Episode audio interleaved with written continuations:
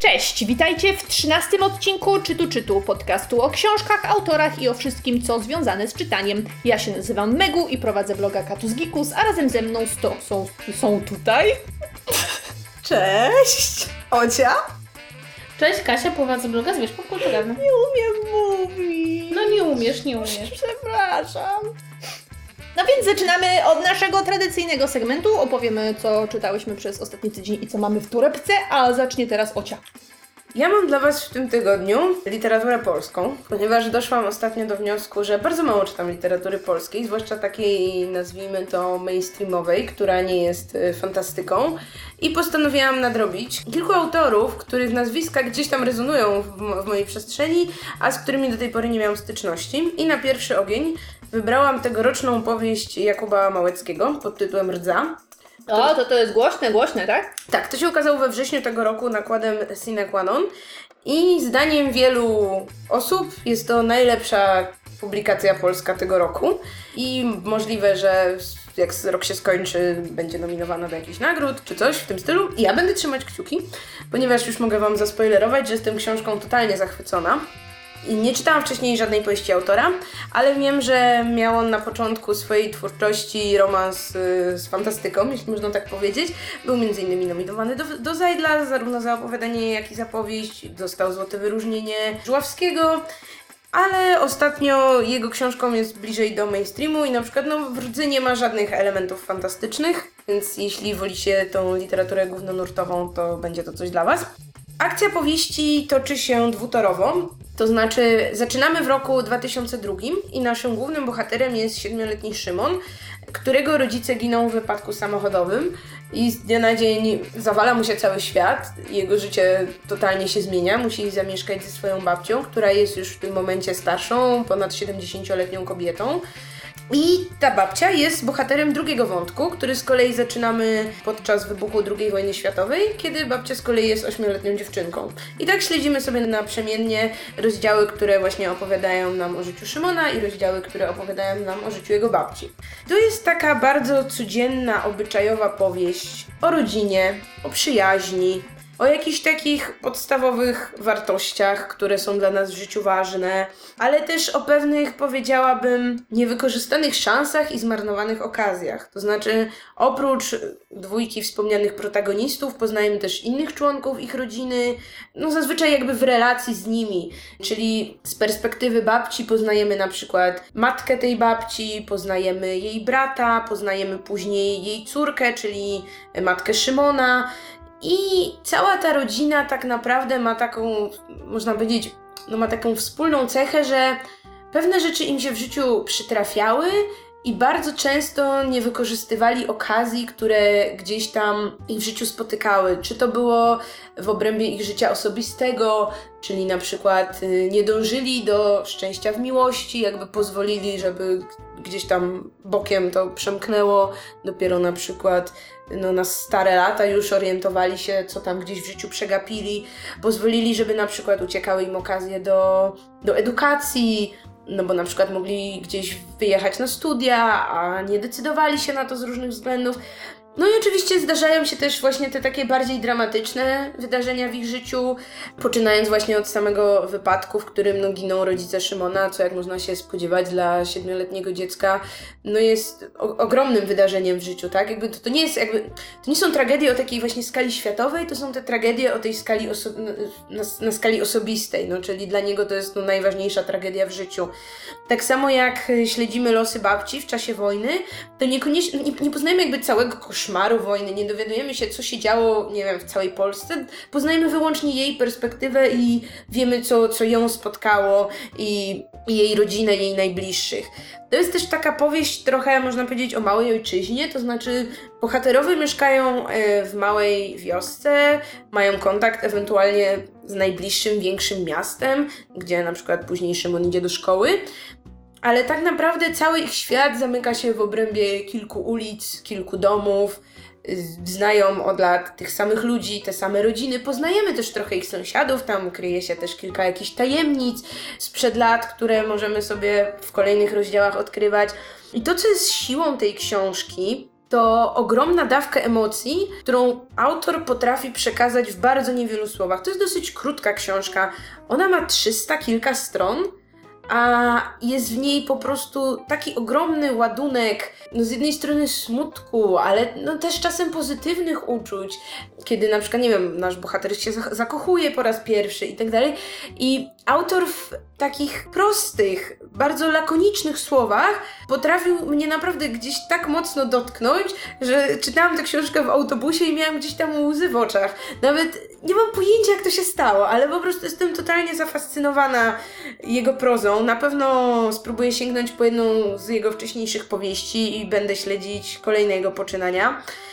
I jakby też takie pytanie, z jakim mnie ta książka zostawiła, to też taka trochę kwestia, dla kogo żyjemy, bo tam pojawiają się wątki dosyć często odbierania sobie życia, to znaczy różni bohaterowie, których gdzieś na przestrzeni książki spotykamy, albo tego dokonali, albo rozważali taki krok. I wydaje mi się, że autor mocno stawia to pytanie właśnie w kontekście rodziny, w kontekście przyjaźni i takiego właśnie czasem poczucia, czy my mamy dla kogo żyć i co nas tak naprawdę gdzieś tam trzyma w tym, w tym świecie, tak więc polecam, ogromne wrażenie, jeśli nie wiem, nominują ją do Nike w przyszłym roku, to będę trzymać kciuki. To polecam. Polecam. Dobrze, to, to takie dobre książki, że też potem człowiek się wstydzi. Ja chciałabym powiedzieć, że ja powróciłam z moim kącikiem Kasia czyta literaturę górską. Ostatnio ktoś się pytał. Ja myślę, że ty już masz sporo, ja, sporą rzeszę fanów ja tego mogła... kącika him himalajstycznego. Tak, także... kącik himalajstyczny Kasi. Kasia ma tylko dwa kąciki. Kącik trudnej książki i kącik himalajstyczny. Teraz jest książka, która wydaje mi się wywoła, e, była przez wiele osób wyczekiwana. To jest książka himalajstki Mariusza Sepioł. No i jest to książka, która opowiada, ona jest podzielona na dwie główne części. Pierwsza to jest opowiada o tych himalajskach polskich najsławniejszych historycznych. O Wandzie Rutkiewicz, czy o, czy o tak zwanej Miodowicz-Wołczej Mrówce. Natomiast jest też druga część, która opowiada o współczesnych dziewczynach, które się współcześnie wspinają. I to ma taką formę taką... Mm, to nie jest, e, to jest... Bardziej się to czyta jako zbiór rozmów i reportaży. Autor rozmawia na przykład, jeśli, jeśli bohaterka danej, danej sylwetki zginęła w górach, to rozmawia z jej rodziną. Jeśli rozmawia nawet z, w przeszłości z tymi, które żyją, to rozmawia także o, o ich dzieciach, mężach, o, o sytuacji rodzinnej, zawodowej. Jest na przykład ciekawe, czy dzieci się wspinają, prawda? Czy ta pasja górska mm, zostaje. I ja powiem tak, z jednej strony jest to książka, która mnie w dużym stopniu zawiodła, dlatego że ja o tych wszystkich kobietach już czytałam w bardzo wielu relacjach i tam, gdzie one nie mówią same, to te opisy tego, co się z nimi stało, jak się wspinały, niczego mi nie dodają. Więc ja miałam takie duże wrażenie, że czytam o rzeczach, które już wiem. Też w sumie to bardzo mało jest książka o samym wspinaniu się. Znaczy, to co ja w książkach lubię najbardziej, czyli to, kiedy już bohaterowie znajdują się pod górą, bohaterowie, no, lu, bohaterowie książek, znajdują się pod górą, wchodzą na tę górę, opowiadają mi o tym trudzie wspinania się, tylko tu jest stosunkowo mało. Natomiast z drugiej strony jest dosyć dużo rozmów o, o tym, dlaczego ludzie się wspinają, czy się boją śmierci, jak oni na to patrzą, jak patrzą na ten taki e, jakby mit, że powiedzmy, no to w przypadku kobiet bardzo ważny, związany z tym, że jeśli kobieta ma dzieci, to nie powinna się wspinać, bo może je osierocić.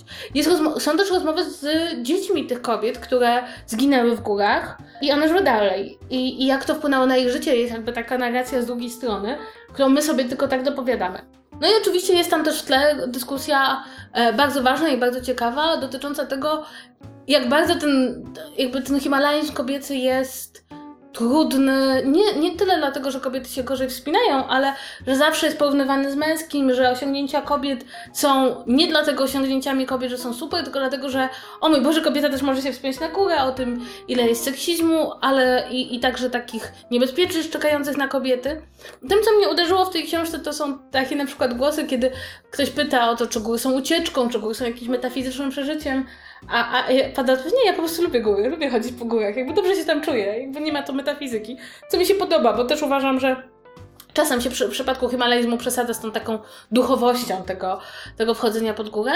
E, czasem na przykład w kilku relacjach tych historycznych, zwłaszcza zaskoczyło mnie, jak bardzo e, kobiety pisały o, o tym, że w sumie ta różnica kulturowa związana z tym, że no jednak najwyższe góry świata są w Pakistanie i w Nepalu, czyli no, w krajach innej cywilizacji, z innymi jakby układami związanymi z e, stosunkiem płci, wcale nie było dla nich traumatyczne, jakby, że, że wcale nie były źle przyjmowane przez miejscowych.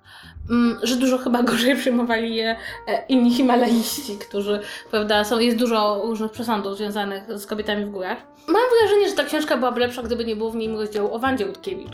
Ja wiem, że to może zabrzmieć Co ty masz z tą Wandą? Nie, chodzi mi o to, że jakby ja, ja bardzo cenię Wandę Rutkiewicz jako himalaistkę, ale nie lubię tego, że narracja o polskim himalaizmie kobiecym toczy się tylko wokół Wandy Rutkiewicz.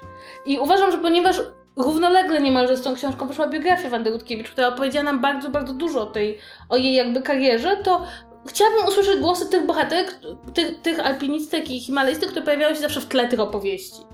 Em, też fajne jest to, że mamy tutaj perspektywę historyczną i współczesną, bo to też jakby, jeśli się zastanawiamy nad tym, jak, jak się organizuje wyprawy, jak to kiedyś było, jak to jest dzisiaj, to, mm, to też to jest bardzo fajne.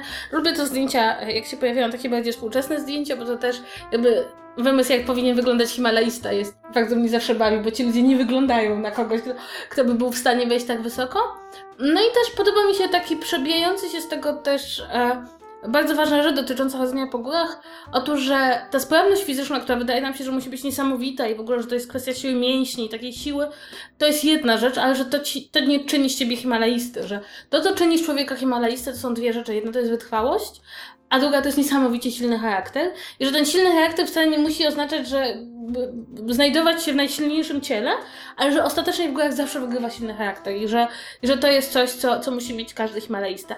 Jeśli chodzi o tą książkę, to mi się wydaje, że e, gdybym ja na przykład zaczęła moją drogę e, tą taką, tych lektur himalaistycznych od tej książki, to prawdopodobnie byłabym nią bardzo zadowolona. Bo ona jest takim pobieżnym e, skrótem bardzo wielu wypraw, bardzo wielu spraw i czy tragedii nawet, które, o których ja już wiem z tych poprzednich tomów na tyle dużo, że to mam takie poczucie, okej, to jest taka, mm, nie chcę powiedzieć postulka z rozrywki, bo czytanie o tragediach ludzi nie jest rozrywką, ale ja już to wiem i jakby ta książka nie jest mi w stanie do tych wszystkich narracji niczego bardzo nowego dołożyć. Ale gdybym z kolei chciała sobie rozpocząć mój cykl himalaistyczny od jakiejś książki w tym momencie, to to byłby całkiem dobry początek. Specyficzny, bo zwykle o Himalajzmie mówimy z punktu widzenia męskiego, ale całkiem niezły. Jedyna rzecz, która mi troszeczkę denerwuje w przypadku tej książki, to to, że ona została wydana w takim takim dziwnym formacie. I mam wrażenie, że ona została wydana bardzo pod prezenty. Mam, jakby, jak, jak, jak ją widzę, jak ją czytam, jak ona jest taka, żebyśmy ją To jest ta okładka, tłumaczyłyście mi ostatnio, jak to się Zintegrowana nazywa. zintegrowana, Zintegrowana. żeby, żeby tej treści było, bo tej treści tutaj wcale nie ma, dużo zdjęć? jest sporo zdjęć, bo w każdym, w każdym takim rozdziale jest kilka zdjęć.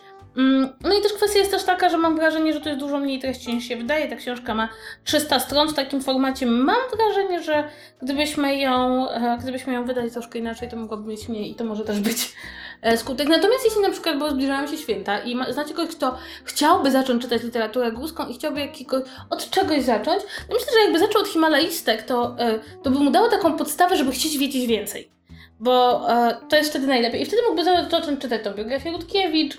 No i to się tam, teraz obecnie to to się nakręca, bo tych książek wychodzi bardzo dużo. I jednocześnie chciałabym powiedzieć, że jest tam tylko jedna książka, którą obecnie chcę przeczytać jako książkę górską. I chyba będę powoli kończyć ten cykl. O nie, nadchodzi koniec kącika Będziesz himalajstycznego, musiała co my wymyślić nowy zrobimy? kącik na nowy sezon Znaczy, nie, podcastu. nie, no, to znaczy to, to nie jest kwestia kącika, to ja po prostu, nie wiem, kiedyś musimy o tym porozmawiać, ja mam fazy czytelnicze. To znaczy, Ja myślę, że po prostu Kasia przeczyta już wszystko, co Nie, było do ja nawet- o ja Himalajzmie. nawet nie dotknęłam szczytu szczytów. Ja jakby czytałam takie malutkie kółeczko książeczek. Twój czytelniczy Mount Everest. Mój czytelniczy tobą. Everest przede mną. Tak, ja się tylko wspięłam, nie wiem, na, na piklenina. No, ale w każdym razie chcę jeszcze przeczytać, chcę jeszcze przeczytać e, autobiografię Pustelnika. I jak ją przeczytam, to zakończę ten sezon e, spinaczkowy. Ja chciałam się zapytać, bo pamiętam, że przy biografii Rutkiewicz miałaś, e, tak mi się wydaje, że to właśnie było przy tej książce, e, miałaś taki zarzut, że kiedy się e, pisze o himalaistkach, o kobietach, to zawsze jest to, przybiera się pewien określony sposób narracji, to znaczy mówi się o ich uczuciach, o ich emocjach, o ich związkach. Czy ta książka też to robi? Z jednej strony trochę tak, bo dużo jest o mężach i dzieciach, ale z drugiej strony ta książka zadaje te pytania, ale odpowiedzi, jakie dostajemy na te zadane pytania, prawda, jak to jest, że, że ona poszła w górę czy coś takiego, nie są takie oczywiste. I to dosyć tak dobrze pokazuje, że kiedy my mamy, kiedy ktoś ma taką wizję, ją musiały rządzić uczucia, albo mę- mężowi musiało to przeszkadzać, albo dzieci muszą mieć pretensje, to ta książka to trochę prostuje i mówi, no to nie do końca tak jest, prawda? Jest taka e, w przypadku pierwszej, e, pierwszej bohaterki książki, e, Haliny Kruger-Syrokomskiej, która zginęła w górach. Jest jej mąż, to powiedział, no wziąłem ślub z nią i z górami, tak? I to było dla mnie oczywiste, że biorę ślub z nią i z górami. I jakby, jak, dlaczego miałoby mi to przeszkadzać? To była ta osoba, z którą wziąłem ślub, tak? Czy, i, też, I też mówi, czy, czy kobieta mogła iść w góry, jak ma dziecko? Tak, no nie może nie iść w góry. I jakby wydaje mi się, że w przypadku tej książki, przez to, że tu jest narracja samych tych mężczyzn, którzy odcinają się od takiego sposobu myślenia, e, czy dzieci, które nie mają pretensji, to paradoksalnie to mnie mniej denerwuje niż wtedy, kiedy mam książkę, w której się snuje domysł o tym, jak który mężczyzna był bardziej, a który mniej ważny w życiu Wandy Rutkiewicz, co jest, no strasznie mnie denerwuje w tej biografii, która, która niedawno wyszła. Tak samo jak Kasia miała swój e, kącik himalajstyczny, ja mam wrażenie, że utworzyłam sobie taki swój mini, mini kącik e, tej, tych e, thrillerów kobiecych i wróciłam znowu do tego tematu, ponieważ przeczytałam książkę, która się nazywa Final Girls autorstwa Riley Sager. Po polsku ona wyszła niedawno nakładem wydawnictwa Otwarte, przy czym tam nadali jej tytuł Ocalałe. Co jest dla mnie trochę zrozumiałe, z drugiej strony e, gubi takie e, subtelne nawiązanie popkulturowe, ponieważ e, wydaje mi się, że to jest dosyć ważne, kim, tam, kim, tak, kim tak naprawdę są Final Girls. Jeżeli ktoś nigdy o tym nie słyszał, to to jest taki trop popkulturowy, który opisuje tą ostatnią bohaterkę, która przeżywa slashera i, i ona zazwyczaj morduje, morduje seryjnego mordercę i jej się udaje przeżyć. Ona jest tą jedyną osobą, która przed nim ucieka. Więc tutaj mamy thriller który znowu został napisany przez mężczyznę pod kobiecym pseudonimem, bo ja tak chyba często wracam do tych książek, które omawiałyśmy przy okazji naszego odcinka pisania pod pseudonimem, ponieważ Riley Sager to nie jest prawdziwe imię nazwisko, tylko to jest jakiś autor, którego szczerze mówiąc nie potrafię teraz na szybko wygooglać, jak on się tak naprawdę nazywa, ale to nie jest ważne. Ważne, ważne jest to, że szukałam książki lekkiej, przy której nie będę musiała myśleć i tak y, wcale nie chodziło mi o to, żeby gnębić tych biednych mężczyzn, którzy piszą pod pseudonimem i znowu się nad nimi znęcać, bo to nie było tak, że wybrałam złą książkę specjalnie po to, żeby ją przeczytać, ale strasznie mi się podoba to, że y, w cały ten kanon powieści, wielkich thrillerów, które są tak mocno marketingowane, oczywiście wpisuje się tutaj to, że na okładce jest blurb Stephena Kinga, który oczywiście musiał napisać fenomenalna książka, najlepszy thriller, jaki przeczytacie w tym roku. To jest takie typowe. No, ale...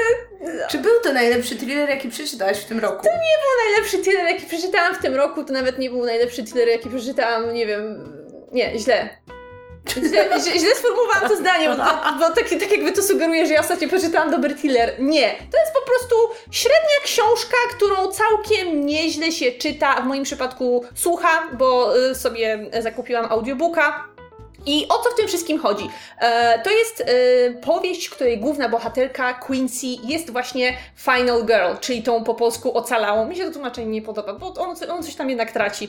Czyli e, 10 lat temu ona przeżyła wielką masakrę w czasie e, swoich e, bodajże pierwszych studenckich lat, czy tam końca liceum, ponieważ grupa jej znajomych razem z nią wybrali się do e, Pine Cottage, do jakiejś tam e, chatki w lesie, żeby sobie zrobić wielką imprezę i wszyscy jej znajomi zostali zamordowani przez seryjnego mordercę. Na początku książki nie wiemy, jak dokładnie wyglądała ta sytuacja. Nie ułatwia nam również y, odkrycia prawdy na ten temat to, że bohaterka nic z tamtego okresu nie pamięta. Uuu, niewiarygodny narrator. Niewiarygodny narrator w bardzo wygodny sposób straciła pamięć w ogóle z całego, całego zdarzenia i przez 10 lat jej nie odzyskała. Wiemy również, że są dwie inne ocalałe. One tworzą taki medialny klub, powiedzmy, ponieważ, ponieważ um, media bardzo często o nich piszą, chcą robić z nimi wywiady, są takie ich mini fankluby, które się interesują ich życiem i tym, jak one sobie radzą. To pozostałe dwie kobiety, to jest Lisa i Sam, one nie były ze sobą wcześniej związane, one po prostu też udało się im przeżyć podobne masakry, ataki ze strony seryjnego mordercy. I książka zaczyna się w ten sposób, że Lisa, jedna z nich, popełnia samobójstwo, a sam przyjeżdża do Quincy, żeby y, tak jakby trochę się z nią zaprzyjaźnić i spędzić z nią y, trochę czasu. Więc tam mamy pokazany ich, y, mamy pokazaną ich rozwijającą się przyjaźń, jak one próbują ze sobą rozmawiać o tym, co je spotkało, ale tak naprawdę to sam próbuje wyciągnąć informacje od Quincy i próbuje ją niejako zmusić do tego, żeby ona sobie przypomniała, co tak naprawdę się stało. Więc od samego początku jest tam ten taki pewien aspekt tajemniczości i podejrzenia, bo nie wiemy dlaczego sam zadaje te wszystkie pytania. Sama wydaje się być taką dosyć dziwną, niepokojącą osobą, ponieważ wymusza na Quincy te wszystkie opowieści bardzo siłą wręcz próbuje ją zmusić do tego, żeby ona sobie przypomniała, co tak się naprawdę stało, a Quincy ma wielką traumę, bo nie dość, że nie pamięta, co się stało, to nawet nie potrafi wymówić imienia tego mordercy, chociaż ono jest znane, bo e, wszystkie gazety wiedzą o tym, e, kim, e, ki, kim on był. Quincy zostaje, została uratowana wtedy przez policjanta, który zabił tego, za, zastrzelił tego seryjnego mordercę i, i ją uratował, z którym ona do, do, do czasów współczesnych, czyli przez 10 lat utrzymuje dosyć bliską, zażyłą znajomość, to znaczy regularnie się ze sobą kontaktują, chociaż nie są takimi bardzo bliskimi przyjaciółmi, to je, jednak jakoś jego obecność w jej życiu ją uspokaja i ona się cieszy, że taki policjant jest, y, że ona się czuje przez to bezpieczniejsza. Ma swojego narzeczonego i y, zdaje się wieść dosyć spokojne życie jak na tą tragedię i na tą traumę, która ją wcześniej spotkała.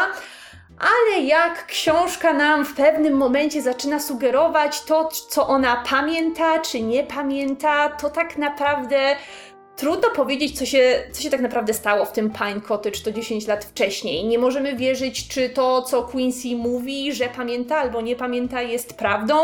I jej znajomość Sam, to co Sam próbuje z niej wyciągnąć, ona też próbuje z niej zrobić taką silną, silną yy, survivorkę, bo ona jej mówi, ty jesteś ocalałą, ty jesteś final girl, to musisz się wszystkim stawiać, musisz pokazywać, jaka jesteś silna. I ona tam próbuje ją zmusić do różnych dziwnych rzeczy i dziwnych zachowań. To jest taka trochę destrukcyjna postać, która w pewien sposób próbuje zniszczyć jej ułożone życie.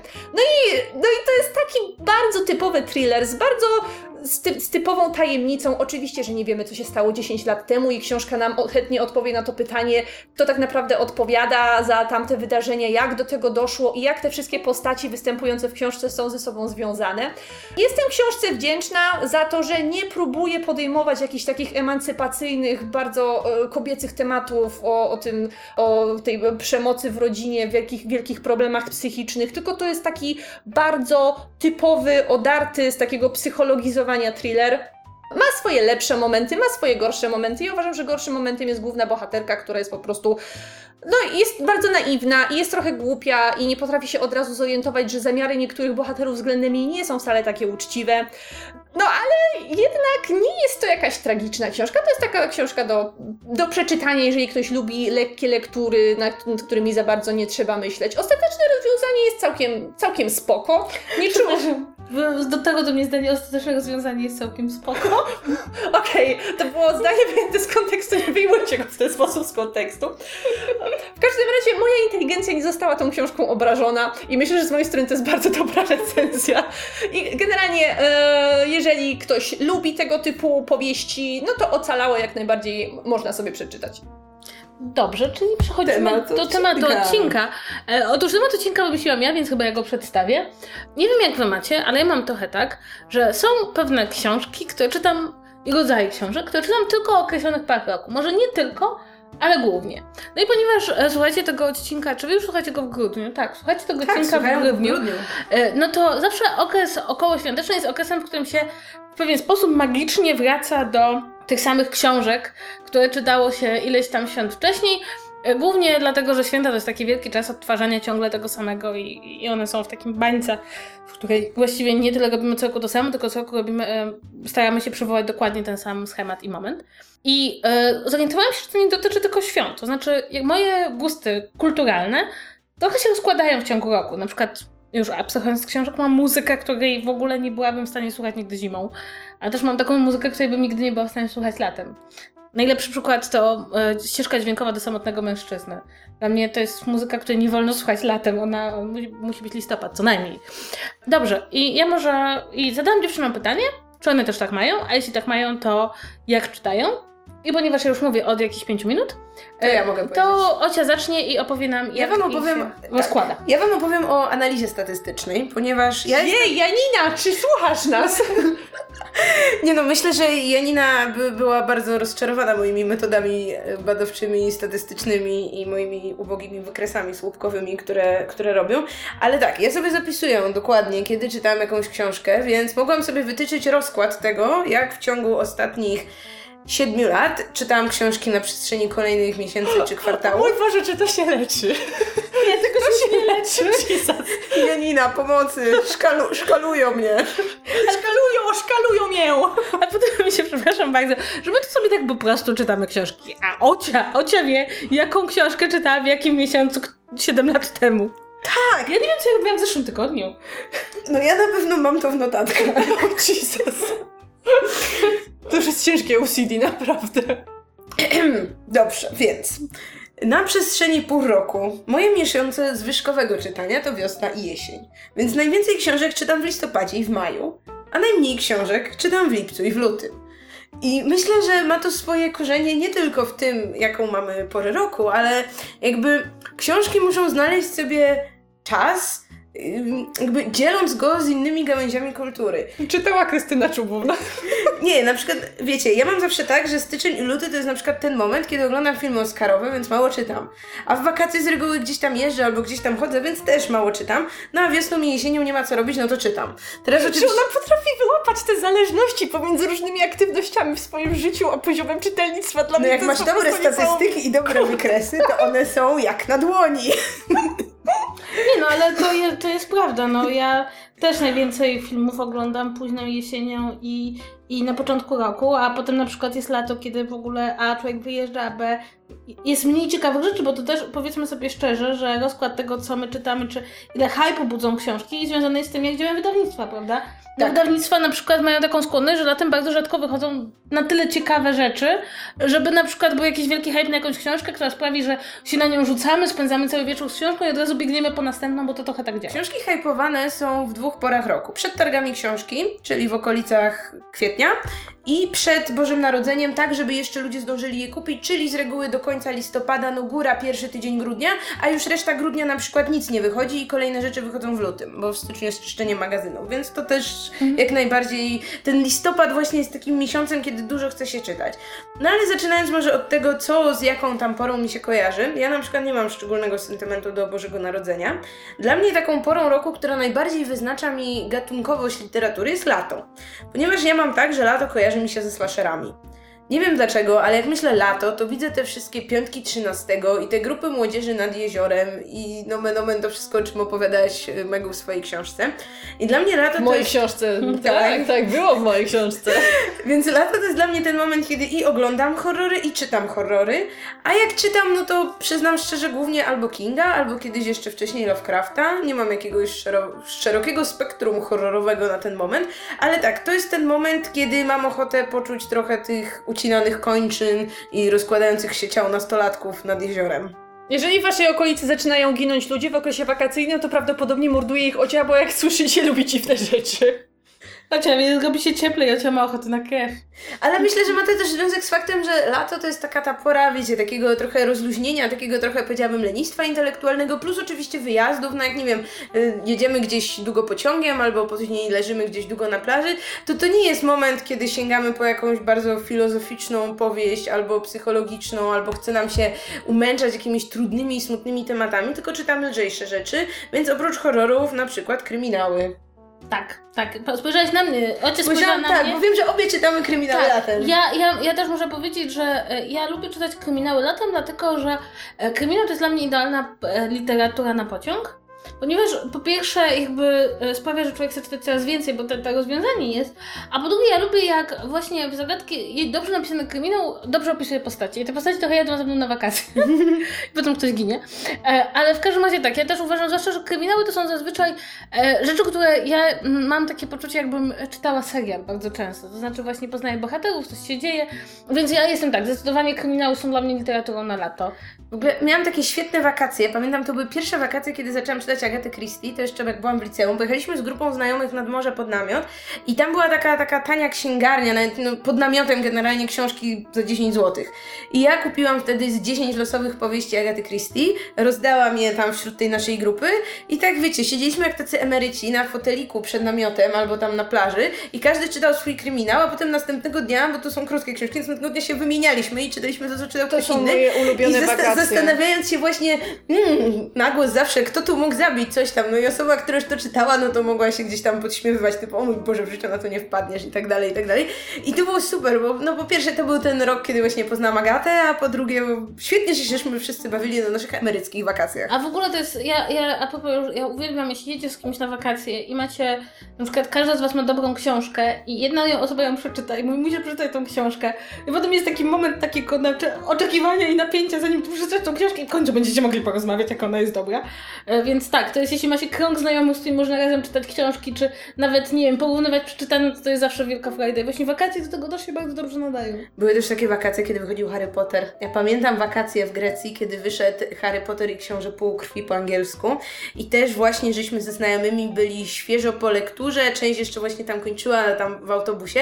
I później całe te wakacje spędziłam y, z jednym kolegą rozmawiając o tym, co będzie w kolejnym tomie. I żeśmy tak tę książkę rozłożyli na czynniki pierwsze, że wszystko nam się sprawdziło. I byłam taka zawiedziona czytając ostatni tom. Ja byłam z kolei, ja byłam, a propos Harry Pottera i wyjazdów, ja nigdy nie zapomnę, Harry Potter w jednym roku wyszedł w, w dniu, w którym zaczynały się ferie e, zimowe mojej klasy maturalnej. Jak już byłam w klasie maturalnej, i ja jechałam wtedy na obóz karate, bo jeździłam na obóz karate. I pamiętam, że jakby miałam tą książkę od rana, bo kiedy było tak, że księgarnie na dworcu centralnym miały książki troszkę wcześniej, więc miałam tą książkę od rana i zdążyłam ją przeczytać, zanim wyjechałam na obóz. I przyjechałam na ten obóz, gdzie było mnóstwo dzieciaków, bo ja byłam już wtedy trochę najstarsza z tej grupy. I te dzieciaki były na pierwszym rozdziale. Ja byłam, o, czytacie ją, ja już ją przeczytałam. I te dzieciaki były tak, kiedy ta książka wyszła wczoraj? Zresztą, zresztą a propos, poczekaj, coś miałam, coś miałam a propos tego, dobrze, już nie będę, nie będę przeciągać, bo akurat, a wiem, a propos Harry Pottera w ogóle, to nigdy nie zapomnę, jak wyszedł ostatni tom i e, ja ten ostatni tom poszłam na, na Mówisz angielskiej czy polskiej wersji? polskiej wersji, na dworze centralnym i tam on leżał. Ja zapytałam, czy mogę kupić tą książkę. Oni powiedzieli, nie, premiera jest dopiero jutro, przysłali nam to z księgarni i nie mogę ci tego sprzedać. Ja wtedy powiedziałam rzecz, której nigdy... Powiedziałam tak, przepraszam bardzo, mi się jutro zaczyna sesja. Albo dzisiaj, albo za dwa tygodnie. I ta babka mi sprzedała tą książkę, powiedziała, tylko proszę nikomu nie pokazywać.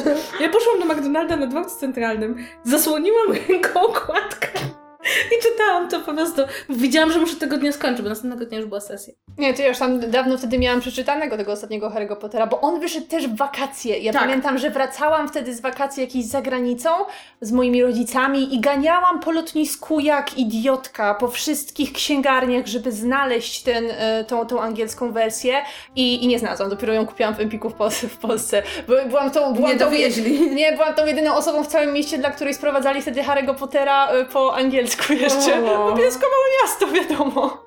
Dobrze, więc... y, Wiemy, co czytamy latem. Wiemy, wiemy kiedy czytałyśmy Harry'ego Pottera. Zresztą to jest naprawdę cudowne, że każdy z Ale nas akurat pamięta. z Harrym Potterem to ja teraz mam taki, taki zwyczaj, tylko że nie letni, tylko taki przełomowy, na, na przełomie jesieni i zimy, ponieważ od trzech lat wychodzi Harry Potter ilustrowany, ten pięknie ilustrowany przez Jima Keya i ja stwierdziłam, że to będzie ta wersja, którą ja będę zbierała po angielsku, bo to jest jedyna, której mi brakuje, bo mam już po polsku, mam już całą po japońsku, a po angielsku nigdy nie miałam i nie chciałam kupować tej e, starej, którą wszyscy znamy, bo w Polsce była, ta, była taka sama, a ta brytyjska mi się nigdy nie podobała, bo miała brzydkie ilustracje.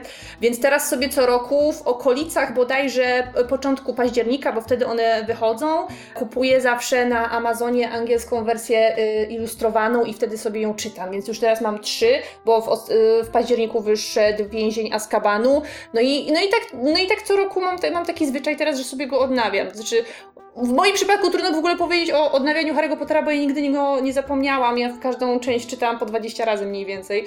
Także ja jestem trochę crazy. Dobrze, dobrze, więc latem ewidentnie czytamy Harry'ego Pottera. Nie, Ja śmieję latem- się. Megu czyta jesienią Harry'ego Pottera. Tak, ale latem to ja jeszcze czytam y, takie krapne romanse. Ja też czytam Uuu, krapne krapne romanse. Krapne romanse, ale to mówię wam, to są takie na, najbardziej krapne, jakie mogą być krapne. Znaczy, bo to nie są harlekiny, tylko tam jest jeszcze takie jedno wydawnictwo amerykańskie, ono się nazywa Avon. Czy Avalon? Avon się chyba nazywa. One wydają odrobinę lepsze romanse niż harlekiny, ale wciąż są krapne.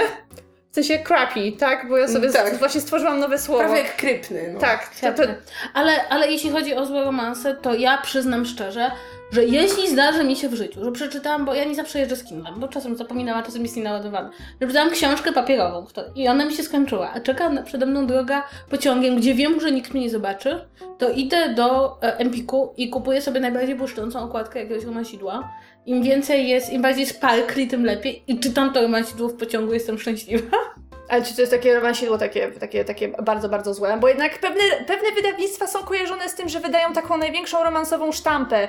E, ja na przykład czytałam parę książek e, autorki, która się nazywa Tessa Der i ona jest bardzo popularna w Ameryce, tylko wiadomo, nikt nie oczekuje po niej nie wiadomo jakiej, jakiej historii. No i tam są właśnie te wszystkie takie, o mój Boże, romanse pokroju tego, że ona e, zamieszkuje w zamku, który odziedziczyła po ojcu, ale tak naprawdę, e, tak naprawdę ten ojciec miał jakieś problemy finansowe, więc jest, ryzyko, że ona ten zamek straci, o ile nie wyjdzie za mąż za tego ślepego zarządcę, który tam, który tam mieszka, ale on jest, on jest dla niej bardzo niedobry, ale przy tym jest taki ślepy, a taki przystojny. I oczywiście, i oczywiście potem tam są takie sceny po prostu, och, tej kwiecistej i pełnej fajerwerków defloracji, jakie tam są sceny seksu, moje drogie, w tych książkach. To To jest, są takie sceny ala Jadejtowy Trzon. Nie wiem, co to jest jadojitowy No to jest trzon. To jest 1500 słynny odcinek Myszmasza o seksie. 1500, 1500 eufemizmów na męskiego członka, Ty tak? tam jest 50 orgazmów w 5 minut, no to, to pewnie tak. Nie, ja z kolei, e, ja z kolei jeśli czytam e, te, te, te słabe romanse, to ja zawsze moją autorką to go jest Nora Roberts, bo u niej e, te ostatnie romanse, kiedyś ona nawet dopisywała do nich jakąś treść, ostatnie romanse są wedle z tej samej sztampy.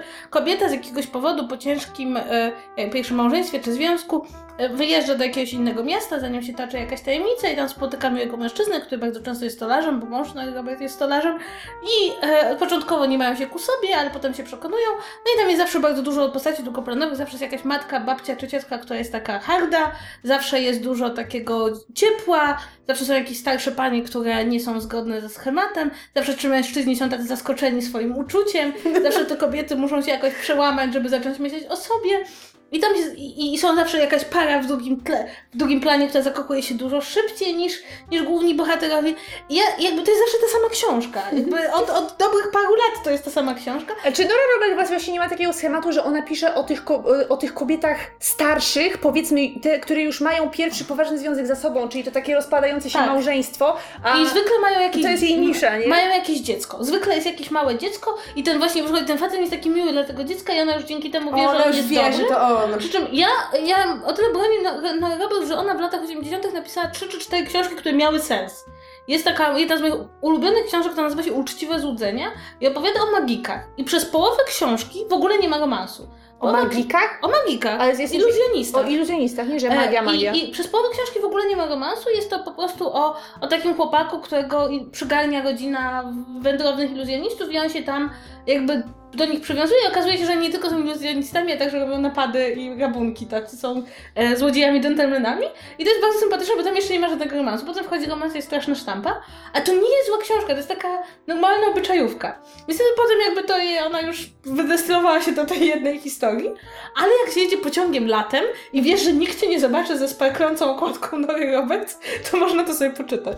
Dobrze, ja bym chciała teraz trochę powiedzieć o wiośnie i jesieni, gdzie jak już stwierdziłam, to są te moje okresy wzmożonego czytelnictwa, ale wiosna i jesień się zasadniczo od siebie różnią. To znaczy, Dziękuję za to. Dla mnie to są oba okresy przejściowe, ja nie rozróżniam No, tak po tak, dokładnie, jakby też tak do tego trochę nawiązuję. Yy, to znaczy, powiem Wam tak, ja mam tę taką przypadłość, że jestem bardzo wrażliwa na pogodę. To się chyba nazywa meteopatia. I generalnie jak jest jesień i ten dzień jest krótki i tak dalej, to ja jestem wrakiem człowieka, jestem kartoflem owiniętym w koc. A wiosną to jednak tak mam te takie momenty, że budzę się do życia, jak ta przyroda i w ogóle. Więc wiosną... Patrz, to Ocia się budzi wiosną po okresie hibernacji, zaczyna wpierdalać zasoby, które sobie zgromadziła przez zimę. Przepraszam, ale wyobrażam cię, bo za co się też... Ja, ja nie będę już mogła chyba prowadzić tego podcastu, bo tu już się ze mnie śmieją. Ale to z miłością, mów, mów dalej. Jeśli Ocia, wyczekamy, aż zobaczymy, jak rozkwitniesz. Na wiosnę. Słuchajcie, w marcu to po prostu będziemy wam opowiadały o tym, jak kwitnie nam Ocia. Boże, żebym tylko nie zakwitła. Eee, Tak, e, co, coś kwitłaś na wiosnę ostatnio raz. tak, więc wracając. Jesień jest dla mnie tą porą czytania smutnych grubasów, jak to sobie napisałam. Smutnych grubasy. Okej. Czyli takich, wiecie, Ja jeszcze książek, nie napisałam które, autobiografii. książek, które trzeba trzymać na kolanach, bo są takie wielkie i ciężkie i, i nie wiem, czasami niewygodnie się, nie, niewygodnie się czyta w wannie. Czyli kiedy przeczytałaś Lud Dukaja? No właśnie ciągle nie przeczytałam Lodu Dukaja, ale jakbym czytała Lud Dukaja, to czytałabym go jesienią. Jesień to jest ta pora, kiedy mogę czytać Simonsa, kiedy mogę czytać Stevensona, bo to są takie, wiecie, książki, że nic tylko zabić tym kogoś. I e, Na przykład Chihuahua, bo są takie duże, tak? Tak, tak, tak, są takie duże, dosyć ciężkie w obwolutach i tak dalej. Albo na przykład Co ty masz w głowie, że jak można kogoś zabić? Ale przecież ostatnio była taka sytuacja, już nie pamiętam przy jakiej książce, że jakaś babka pozwała jakieś wydawnictwo, bo otwierała skrzynkę na listy, do której, w której się czekała na nią książka przyniesiona przez listonosza i ta książka wypadła i zabiła jej chihuahua. Ja myślę, że to była akurat moja książka na jesień, że dokładnie tak to było. Dobrze. I wiecie, no, True story, bro. True story. Może no, ci, czy, my, czy ktoś tu jest pijany w tym studiu? Ustalmy to może. Studium. Tak, więc jeśli to jest ta pora smutnych grubasów, no ewentualnie po prostu smutnych książek, tak jak, no zresztą hej, książki, które omawiam ostatnio z reguły są smutne i poważne, tak jak dzisiejsza książka i planuję ten trend kontynuować. I jesień to jest też jakaś taka pora roku, która pasuje mi na przykład do steampunku, bo wszystko jest takie pordzewiałe i... Och, jak liście, jaka piękna Tak. metafora. Jakby zauważyłam, śledząc te moje trendy czytelnicze, że zazwyczaj na jesień czytam jakiś steampunk. No tak jak w tym roku czytałam 44, no to kiedyś tam wcześniej też y, w okolicach jesieni czytywałam Zadrek, mm, czy na przykład Dziewczynę Płaszczkę, czy na przykład... Przepraszam, co? Dziewczyna Płaszczka i Co? inne Czy nienaturalne adult? atrakcje. Nie, Powiedz, czy to jest nie, ale to, to, jest taka kom- to jest taka komedia właśnie w klimacie steampunkowym. Yy, to wydawane było przez Pruszyński, w tej takiej była taka seria y, fantastyka z nową fantastyką, jakby, że ta nowa fantastyka miesięcznik polecała te książki, one tam chodziły, nie wiem, raz na miesiąc. Yy, całkiem sympatyczna książka, tak więc tak, no właśnie ta jesień ma w sobie coś takiego steampunkowego. I przeciwieństwie do wiosny, bo wiosna to jest dla mnie taka sentymentalna. Najczęściej wracam do jakichś lektur z dzieciństwa. Miałam jedną wiosnę, kiedy przeczytam ciurkiem wszystkie domy muminków na przykład. Jakbym na przykład chciała sobie powtórzyć Anię z Zielonego Wzgórza, no to na wiosnę, bo come on, no bo kiedy. I też jakieś na przykład powieści historyczne. No wiosna to jest ten taki, Ale to jest- wiecie... To jest bardzo ciekawe, bo na przykład, y, jeśli mogę jakby tak, przerwać, tak. jakby, to dla mnie, y, ja na jesieni wracam do klasyki, bo na jesieni mam takie poczucie, że już tego roku było tak dużo i tak dużo się zmienia, że ja potrzebuję powrotu do, do tego, jak było dawniej. I y, dla mnie to powrót do tego, jak było dawniej, to jest XIX wieku mniej więcej. E, I, I zwróciłam u siebie uwagę, że dla mnie, jakbym miała powiedzieć, jakie jest dla mnie idealne dzieło kultury na jesień, to to jest dla mnie e, wielka powieść e, XIX-wieczna brytyjska, ekranizacja tejże powieści. A no spoko, zazwyczaj jest gruba, to E, e, I ogólnie rzecz biorąc, takie, ja mam takie poczucie, że na przykład e, bardzo często zdarza mi się właśnie na jesieni powtarzać Jane Austen, e, czy, czy podejmować kolejną nieudaną próbę czytania całego Dickensa, czy, czy na przykład wracam no, do e, tych książek, które tam z, z, zekranizowano, tak jak właśnie Forestera na przykład, czy, czy Powód do Howard's End, czy, czy właśnie takie typowo brytyjskie powieści, które dzieją się na przełomie XIX i XX wieku. I mam takie właśnie poczucie, że ja wiem, dlaczego ja to robię. To znaczy, że pomijając fakt to tej atmosfery, że pada, jest deszcz i ogólnie, to mam takie poczucie, że już tak bardzo mnie ten rok i tyle się już wydarzyło w moim życiu od, od ostatniej jesieni, że ja potrzebuję jakiejś takiej ucieczki do jakiejś przeszłości, tej już uporządkowanej, zmi, zmitologizowanej. I że tam jest bardzo dobrze, znaczy, że już nie wytrzymam kolejnej informacji o współczesności i muszę wrócić do przeszłości. Ale także mam wrażenie, że to się u mnie bierze z tego, że w okolicach października, ja sobie przypominam o mojej dawno porzuconej karierze naukowej, niemniej jednak e, wraca ten taki tryb naukowy, który u mnie zwykle wiązał się z racji mojego wykształcenia. Siedzenie w bibliotece, czytaniem źródeł i ogólnie takim, jest październik, to zajmujemy się historią. E, I też jest to taki moment, kiedy na przykład mam dużo więcej lektur związanych z historią kina i mam takie mocne postanowienie, że teraz to już naprawdę na pewno nauczę się wszystkiego, co jest do nauczenia się o historii kina i nie będę miała takich białych plan, kiedy robię przejdźmy dalej. E, I to jest dla mnie bardzo ciekawe, bo mam wrażenie, że to jest taki trochę szkolny odruch, bo nie wiem jak wy, a dla mnie jakby na rok ma dwa początki wciąż. I to jest ten początek styczniowy i to jest ten początek wrześniowo-październikowy, kiedy, kiedy ja najwięcej obietnic sobie składam właśnie we wrześniu, w październiku zwłaszcza teraz od, od wielu lat. I to są właśnie takie intelektualne obietnice, że ja nadrobię tą całą historię, bo to też jest jakby, musicie sobie zdawać świadomość, że nikt bardziej nie wie o tym, że nie zna historii niż historyk. E, I właśnie mam tak, dla mnie jesień to jest taka, kiedy myślę sobie, dobra, to, to w końcu przestanę udawać, że czytałam te wszystkie wielkie dzieła literatury i naprawdę je przeczytam. nie zawsze się udaje, ale, ale tak, większość z nich jest gruba. ale nie jest ponura zawsze. Jest taka. Pewnie te książki tak porządkują bardzo wiele rzeczy. Czasem budzą we mnie taki zachwyt na zasadzie.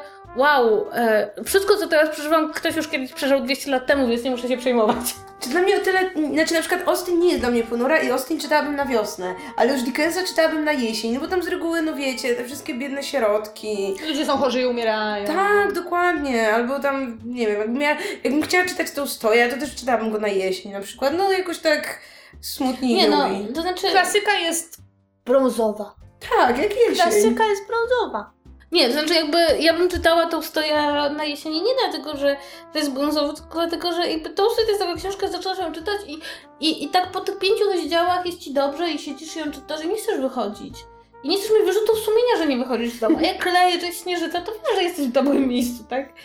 No, natomiast to nas powoli prowadzi do zimy. Och, myślę, że o zimie będziemy miały najwięcej do powiedzenia, bo to jednak jest taka pora roku najbardziej charakterystyczna. do mnie. Tak? Ja mogę O. powiedzieć szczerze, że ja mam zestaw książek, które czytam w okolicy świąt. Jest to zestaw wielce eklektyczny, ale także nie aż taki bardzo niezrozumiały. Jedną rzeczą, która wydaje mi się, że łączy mnóstwo kobiet w Polsce i I mężczyzn też, mnie. to jest Noelka. Mnóstwo kobiet i mego. Mnóstwo kobiet i megu. Tak. To jest Noelka i y, niezależnie od moich uczuć, które zmieniają się w stosunku do autorki tej książki oraz tego, że ja nie lubię wszystkich aspektów Noelki, bo uważam, że ona tam jakby nie ma, nie wszystkie wątki są dobre. Ja Noelkę uwielbiam czytać w okolicach świąt od czasu, kiedy przeczytałam ją po raz pierwszy, jak miałam 11 lat. I też to jest tak, że ja ją czytam pod koniec, um, Musielewicz przytacza tłumaczenie Barańczaka wiersza, Mhm. e, który zawsze mnie pogusza na święta i zawsze wydaje mi się dobrym, dobrym tekstem przedświątecznym. Więc, więc to jest jeden, jedna pozycja i jakby mam wrażenie, że to jest trochę tak, jak wszyscy oglądają to właśnie miłość przed świętami. To to jest tak dla mnie. No, bo są o świętach obie te dwie tak, pozycje. natomiast jakby to też jest trochę tak, że nie musisz uwielbiać to właśnie miłość, nie musisz uwielbiać Noelkę, żeby chcieć do niej wrócić, bo to dla mnie jest. Bo to też z drugiej strony, przynajmniej dla mnie, y, to y, rozczytywanie Noelki rok po roku na nowo to jest taki powrót trochę do tych lat dzieciństwa, kiedy ja dopiero ją odkrywałam, całą Musierowicz zresztą, i kiedy przeczytałam Noelkę po raz pierwszy i jak ona niesamowite wrażenie na mnie zrobiła. Dlatego dzisiaj to jest dla mnie najlepszy środek do tego, żeby wprowadzić się w ogóle w taki nastrój świąteczny, a z drugiej strony nar- narósł do tego też taki motyw, że ja sobie troszeczkę nostalgicznie wspominam, jak to kiedyś Musierowicz y, bardzo wpływała na moje życie, jak bardzo kiedyś kochałam jej książki, a niestety ta miłość troszeczkę już we mnie okrzepła. Poza tym ja zawsze uważałam, że Noelka była dla mnie jedną y, z najpiękniejszych historii miłosnych, jakie w ogóle były w całej Jerzycjadzie. Dlatego, y, dlatego zawsze tak strasznie mi się podobała. I to, była, to, i, to, I to była ta powieść, która wtedy dla mnie była taka dosyć, y, powiedzmy, y, rewolucyjna i od, y, odważna w swojej wymowie, bo to była ta powieść na przykład, kiedy tam dziewczynki sprowadzały cyganów do domu i że były takie otwarte i tolerancyjne i tak bardzo wyraźnie mówiły o tym, jaka ważna jest miłość do, drugiego, do drugiego człowieka, nie, bez względu na to, jak bardzo byłby on inny od nas. Dlatego do dzisiaj ta książka tak ba- bardzo duże wrażenie na mnie robi. Bardzo tęsknię za tymi uczuciami, które miałam, kiedy ją pierwszy raz czytałam i bardzo tęsknię za moim egzemplarzem, ponieważ jest to jedyny egzemplarz, który zaginął z mojej kolekcji, bo kogoś, komuś go pożyczyłam i nikt mi nikt nie oddał, dlatego mam całą Jerzycjadę oprócz Noelki i, i teraz bardzo, bardzo za nią tęsknię. Jeżeli ktoś ma moją Noelkę, to mógłby mi ją oddać po tych pięciu latach. Tak, druga, druga rzecz, którą czytam, i to jest dla mnie ta książka Teleport, że się tak wyraża, to są Dzieci z Bullerbyn. Ponieważ ja Ojej, pamiętam, zimą? że ja czytałam Dzieci z Bullerbyn, u mnie wypadły w lekturze w szkole zimą. I ja pamiętam, że ja leżałam na łóżku u siebie w mojej małej klitce, w moim maleńkim pokoju. E, Była zima, już nasze mieszkanie jest bardzo, e, mieszkanie moich rodziców jest bardzo rzadko sprzątane. I jest sprzątane prawie wyłącznie przed, przed świętami, a i to Jezusa. wtedy, a i to wtedy nie jest sprzątane bardzo wyraźnie, bo jakby odróżnić sprzątnięte mieszkanie moich rodziców i niesprzątnięte mieszkanie moich rodziców, to trzeba tam mieszkać, żeby to zauważyć, ale jest sprzątane, ja mam takie poczucie, że właśnie jest ten świąteczny ład, który wchodzi i ja sobie czytam wtedy Dzieci z Bullerbyn i wszystko się układa. To jest niesamowite, jak Dzieci z Bullerbyn się dla mnie zmieniły, bo to nie chodzi o to, że jestem dorosła, tylko ja sobie zdałam sprawę, że to się dzieje w czasie wojny. I dla mnie fakt, że moja ukochana książka dzieciństwa, która opowiada mi o beztrosce dzieciństwa, dzieje się w czasie wojny z perspektywy, no, no absolutnie wszystkiego, co wiem o historii oraz z perspektywy doświadczeń mojej rodziny, jest dla mnie po prostu, zawsze ta książka jest dla mnie szokująca w pewien sposób. I trzecią rzeczą, która jest dla mnie związana ze świętami e, z bardzo paradoksalnego z powodu, z powodu ekranizacji, ale także jakby w pewnej kontrze, to jest Władca Pierścieni i w ogóle cały Tolkien. I Hobbit i Władca Pierścieni. E, z jednej strony to są ekranizacje, bo niedawno mieliśmy te 3 lata z Hobbitem, który jakby naturalnie wprowadzał e, Śródziemie i prawda, szło się na ten film, ten film to ci zawodził, szło się i czytało się książkę, żeby z tego wrócić. Ale druga sprawa jest też trochę taka, że ja pierwszy raz jak poznałam Władcę Pierścieni, to ja go nie przeczytałam, tata mi go przeczytał i to był latem. Ja miałam straszny dysonans pomiędzy książką i tym, jak ja czułam się wobec tej książki, a pogodą, jaka panowała. Tata czytał ją w Budapeszcie na przykład, czy na Wyspie Świętej Heleny. I dopiero e, potem zdałam sobie sprawę, że właśnie to jest takie jedno z tych dzieł kultury, które u mnie jest niesłychanie zgrane z pogodą. Dla mnie Tolkien jest książką na zimę, Mimo, że czytałam go wielokrotnie, jak było ciepło i uczucia, które we mnie wzbudza, a wzbudza we mnie jakąś taką niesamowitą, niewypowiedzianą tęsknotę ta książka. I to nie tylko za Śródziemiem, ale to jest to książka o odchodzeniu pewnych czasów i o tym, że one odchodzą na zawsze i już nie wrócą. I nawet jeśli jest w nich optymizm dotyczący nowych czasów, to, no to, to, to są, prawda, to, jest, to, to, to ja się zawsze czuję jak te elfy, które odpływają. I dla mnie ten rodzaj tęsknoty jest bardzo związany z zimą. Takiego, takiego poczucia pewnych rzeczy, które się domykają i że pewne rzeczy już nie wrócą. I chcę czuć te emocje, te, o tej porze roku, prawda? Nie chcę czuć te, takiej tęsknoty latem na przykład, bo, bo to mi psuje uczucie, że jest lato. Natomiast zimą jestem otwarta na takie uczucia i, e, i to tak we mnie jest. Ja się totalnie z tym zgadzam, bo ja też czy Hobbit jest dla mnie książką na zimę i właśnie z okazji filmu pamiętam wychodziły różne takie fantastyczne wydania Hobbita, jedno na przykład Hobbit z objaśnieniami, drugie to była taka pozycja z ilustracjami Tolkiena, które zrobił do Hobbita i z ich omówieniem. Czytałam to wszystko zimą. Władcy Pierścieni nie pamiętam jaka była pora roku, jak czytałam go po raz pierwszy, ale jak czytałam go po raz drugi, już z moich własnych książek, to też była zima, ja byłam wtedy na nartach gdzieś tam, gdzieś tam, więc tak, Tolkien jest jakby dla mnie naj, jakby zimą, ale no to nie jest tak, że ja do niego jakoś regularnie wracam, ale jakby zima jest dla mnie właśnie taka mocno dla fantastyki, takiej nawet właśnie tej bardziej, bardziej typowej fantastyki. I zima to jest też ten moment, zwłaszcza ta zima grudzień, kiedy ja się muszę rozliczać ze swoich postanowień czytelniczych. Myślałam, swoich... że z podatku. nie, podatki to do kwietnia. Muszę się rozliczać ze swoich słupków i tabelek, więc słuchajcie, w grudniu sytuacja wygląda tak, że często spoglądam na te swoje, wiecie, tam cele na Goodreads i tak dalej i na to, co ja już przeczytałam i okazuje się, że muszę nagle przeczytać ileś rzeczy. Więc yy, grudzień to dla mnie taki miesiąc czytowania i czytania komiksów. Jeśli na przykład chce się wyrobić do jakiegoś celu. No to ja nie wiem, czy to się liczy. Nie, no, no ja nie wiem, no, ja nie wiem. Nie, mnie bawi to takie, przepraszam cię, bo ja wiem, no. że to, takie OCD, że to nieważne jakby, że masz ten cel, żeby to trochę się sprawdzić, tylko jest cel, trzeba go spełnić. Co się będzie czytać najszybciej? Instrukcja obsługi zmywarki. to tak jest trochę. Ale dobrze jest czytać komiksy, jakby komiksy też uważamy za ważne część Tak, a po prostu, no to jest zawsze jakiś fajny pretekst też. No czasem, no nie ukrywam, no tak jak jesienią czytam te grubasy, kiedy można by przeczytać w tym czasie dwie inne książki, no to zimą dla równowagi trzeba przeczytać coś chudszego, krótszego i tak dalej. A z kolei tą zimą już po nowym roku, styczeń, luty, no to to jest ten moment, kiedy o panie, mam jeszcze tyle czasu na czytanie, no, że właśnie tak czytam jakoś mniej, bardziej się koncentruję na filmach i innych, innych tam rzeczach. I zima, no właśnie poza tą fantastyką i komiksami nie jest dla mnie szczególna. Ja no, ja nie obchodzę świąt tak za bardzo, więc jakby ja nie mam jakichś rytuałów, jakiegoś tam e, wczuwania się w klimat, więc nie mam żadnej książki, do której bym wracała cyklicznie, na przykład tak nie wiem, rok do roku, czy nawet rok co, co dwa lata, czy coś takiego. A ja jeszcze, mhm. bo jeszcze wracając tak do tych książek okołoświątecznych i tak bardziej grudniowych powiedzmy, ja miałam też taką jedną serię, do której e, będąc trochę młodszą wracałam rok po roku i jakoś tak właśnie się z, z jakoś tak właśnie się zdarzyło, że był to okres przedświąteczny, bo te książki były na tyle cienkie, że ja byłam w stanie przeczytać jedną dziennie i to dla mnie, yy, to mnie wprawiało w jakiś taki klimat.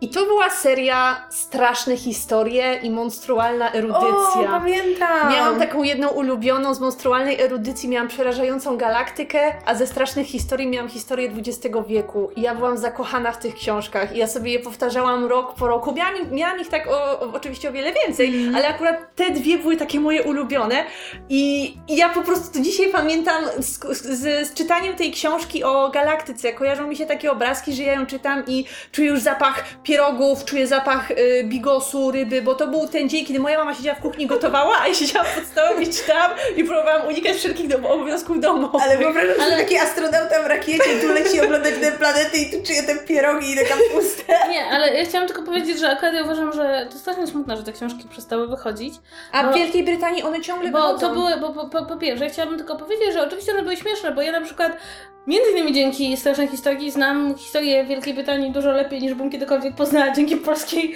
edukacji. No one niestety były bardzo z punktu widzenia e, Brytyjskiego. brytyjskiego i zresztą to e, wyszła w Polsce potem książka dotycząca II wojny światowej i ona wyszła z przepisami, które były takie mega poważne do wydania polskiego, były na Tak. zasadzie drogie dzieci, Anglicy to się mogą z tego śmiać, ale my jesteśmy w Polsce.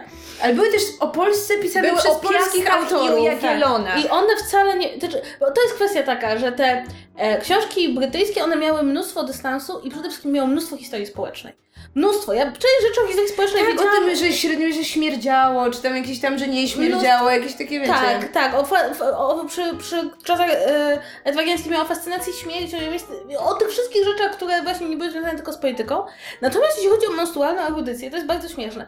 Książeczka o monstrualnej erudycji dotycząca kina, ja ją znam właściwie na pamięć i co więcej, ona była, e, te książki nie kłamały. One autentycznie mówiły prawdę. To nie było tak, bo wiecie, czasem mm. te książki dla dzieci, które przytaczają. Ja miałam przez wiele lat wrażenie, że te książki przytaczają takie fakty, że było śmiesznie. Nie, te książki nie kłamały, one były historycznie poprawne. I ja, prawdę powiedziawszy, uwielbiałam te książki i, i miałam całą półkę. I najpierw ja miałam tą półkę, potem mój młodszy brat jakby, bo ja już byłam trochę za stara na monstrualną erudycję, ale mój młodszy brat jeszcze nie. Natomiast na przykład te książki o Inkach, Aztekach, o tych pierwszych O cywilizacjach, tak, te pierwsze, one fenomenalne, pierwsze w tak. Polsce. Serca sobie wyrywali w górę Tak, na to okładkach. To było super, nie? One były, i miały te super śmieszne komiksy, tak, więc, więc to, i to była świetna seria, absolutnie świetna. Natomiast, e, co ja chciałam powiedzieć a To jeszcze propos- dodam, że jakby ktoś wznowił w Polsce. To my O, kupimy. tak, jakby jeszcze tak ładnie wydał, żeby taki, wiecie, ładny papier, bo to wychodziło na takim krótkim, szmatławym papierze toaletowym. No. Jakby ktoś tak to ładnie wydał w ładnych oprawach, To my to ja preorderuję całą serię jednego i drugiego autentycznie. Tak, bo to jakby, e, nawet dorośli mogli to czytać i się dobrze bawić. Ja bym wróciła teraz do wszystkich tych Tak, domów. natomiast e, a, propos, a propos takich wyzwań, bo to jest bardzo śmieszne, bo ja jakby nie, nie, nie biorę nigdy udziału w żadnych wyzwaniach, myślę, że możemy o tym zrobić osobny odcinek. Natomiast, natomiast ja liczę, ile filmów obejrzałam w takim roku. O ja I to jest mniej więcej tyle samo co roku. Ale jest to mniej więcej tyle samo co roku, ponieważ ja się w listopadzie orientuję, że brakuje mi jeszcze 30 filmów do obejrzenia i zaczynam oglądać jak szalona przez dwa miesiące. I e, ponownie to jest bardzo ciekawe, bo ja z kolei mam w styczniu jeszcze jedną taką, zwróciłam uwagę, na początku roku, tak jak ty mówisz, że mam jeszcze tyle czasu do czytania, to ja mam takie poczucie, muszę próbować nowych rzeczy. Muszę robić rzeczy, których nie robiłam dotychczas. To jest ten taki początek roku, który dla mnie wiąże się z takim Coś Idę na siłownię. tak, coś się musi zmienić. E, I ja na przykład mam wtedy taką rzecz, którą bardzo zresztą wszystkim polecam. Podchodzę do półki, czy podchodzę do, idę do Empiku i biorę książkę, którą bym normalnie nie kupiła, ją przeczytam. I znalazłam w ten sposób w swoim życiu bardzo dużo książek, które mi się bardzo podobały.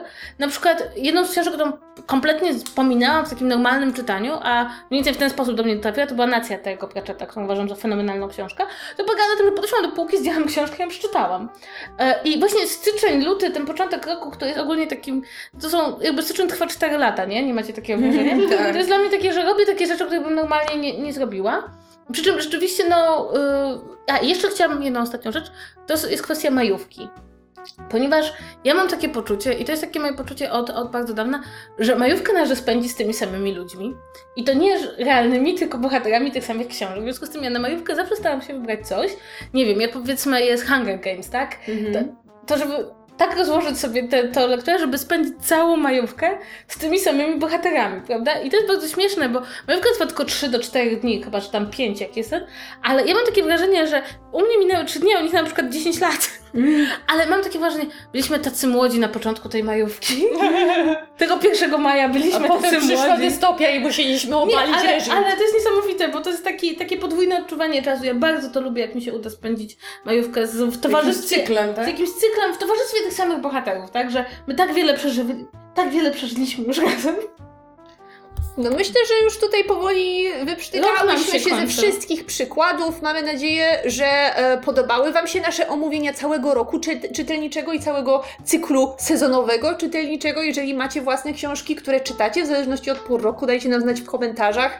Myślę, że bardzo nas to będzie interesowało, jak inni ludzie do tej kwestii podchodzą. Czy w ogóle czytacie różne pozycje w podziale na pory roku. Dajcie nam znać. I myślę, że to już będzie wszystko w naszym odcinku. Oprócz ogłoszeń parafialnych.